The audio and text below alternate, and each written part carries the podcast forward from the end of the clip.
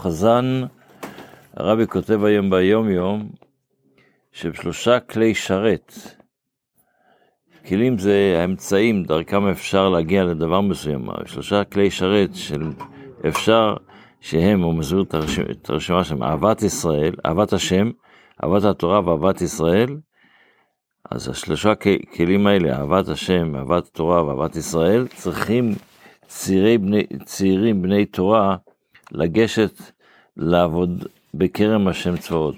בזה אפשר לגשת לעבוד בעבודה שהקדוש ברוך הוא מטיל עליהם. מה העבודה היא? לקרב לב אחיהם לקיום מצוות מעשיות וקביעת עיתים לתורה.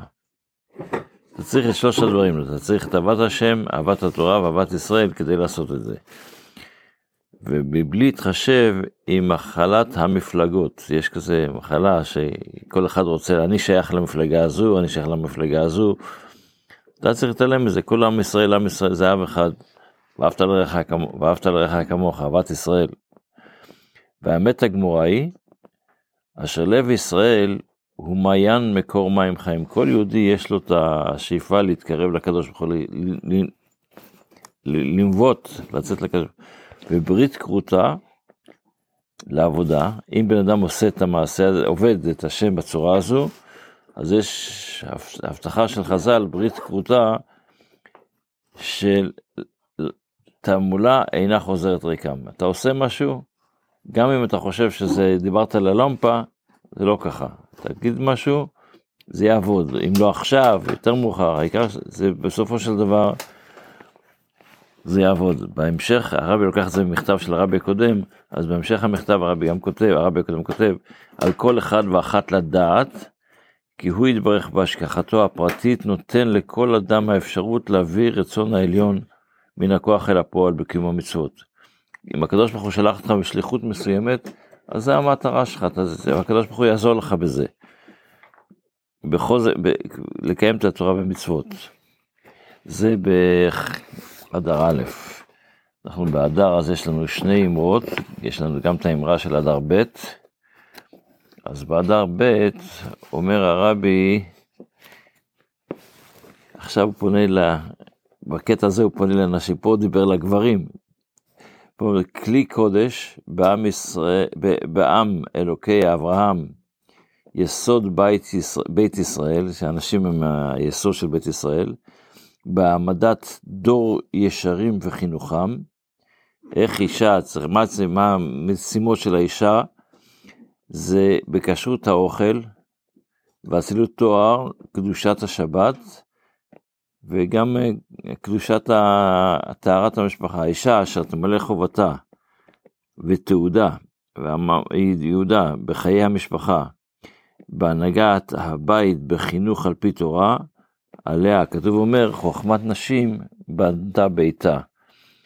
אז אחד חופף לשני באמרות היום, אחד זה לגברים, אחד זה לנשים. בספר המצוות אנחנו עוברים ללמוד את המצווה הרייז' מ"ו, שזה הציווי שנסתווינו בדין טוען וניתן. יש דינים איך כשיש בן אדם אחד טענות על השני, יש ויכוח בין אחד לשני. ובתורה מדבר הוא אומרו יתעלה על כל דבר פשע, אשר יאמר כי הוא, הוא אחד טוען ככה, השני טוען אחרת, ולשון המחילתא הוא כי הוא זה, מה הכוונה כי הוא זה, על זה אחד שמודה במקצת, אם יש כזה, יש, יש שלוש מצוות יש שלוש מצבים שבן אדם צריך להישבע שבועה, ואז זה יאמין. הוא לא רק מאמינים לו על אמרה שלו, אלא הוא צריך שיש, יישבב שבועה. אחד מהם זה מודה במקצת. ובדין זה נכלל כל מה שיפול בין בני אדם, מן הטענות שיש להם זה על זה. כשיש בן אדם טענות אחד על השני, אז, אז אם אחד מודה במקצת, מודה חצי דבר, אז או שהוא מכחיש חצי דבר, אז יש, אז יש הצורה שזה, שנאמין לו או לא, זה שהיא שווה. וכבר נתבהר, נתברר משפטי דין זה בפרק ג' של מסכת בבא קמא, הוא בר... בתחילה של פרק ח' של מסכת בבא מציע, הוא פרק חמישי ופרק שישי ושביעי של מסכת שבועות. הוא בהרבה מקומות אחרים שמפוזרים בתנ"ך. סליחה, בתלמוד.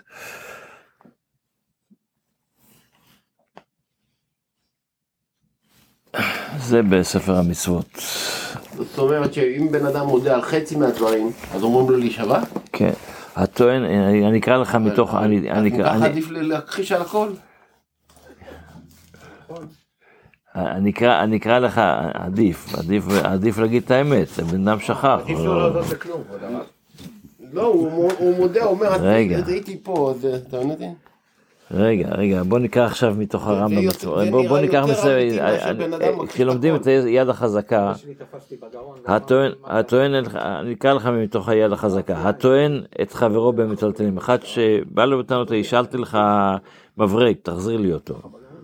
והודה במקצת, ממני. אה, הודה במקצת שהוא קיבל את זה. שהוא קיבל את זה, אבל אה, לא נתת לי שני... משהו שהחזיר את זה. הרי זה מה- משלם על מה שהודה, ונשבע לשער מן התורה, שנאמר, על קשר יאמר כי הוא זה. משהו מכחיש כמו שנשבע. בדיוק.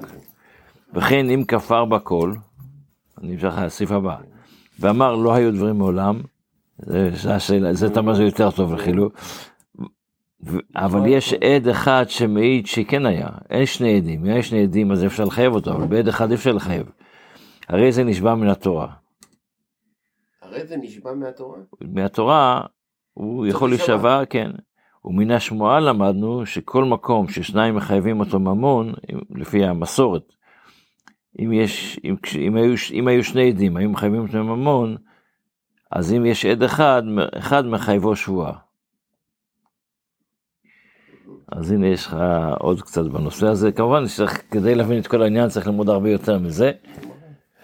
בתפילה אנחנו בשיר של יום, של יום חמישי, והתחלנו את הקטע הראשון שלו, שהסברנו על הגיתית. על, בדיוק, על הגיתית. אבל ההמשך פה צריך להבין אותו, מה פתאום, מה פתאום את השיר הזה אומרים היום, ביום חמישי, זאת אומרת להיום, אומרים ביום חמישי. מה המיוחד של יום חמישי, שזה השיר? מי שמכיר, השיר של יום בדרך כלל...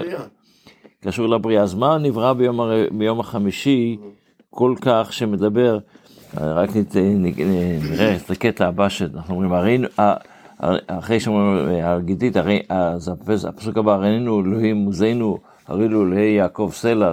מה, מה אנחנו צריכים ל... ל... ל... לשיר ולרקוד לקדוש ברוך הוא, על מה? מה המיוחד של יום חמישי שנברא שם, שזה... אז אדמו"ר הזקן בספר, בספר של אלוקותי תורה מסביר דבר מאוד מעניין. ביום חמישי נבראו, נבראו הדגים והעופות.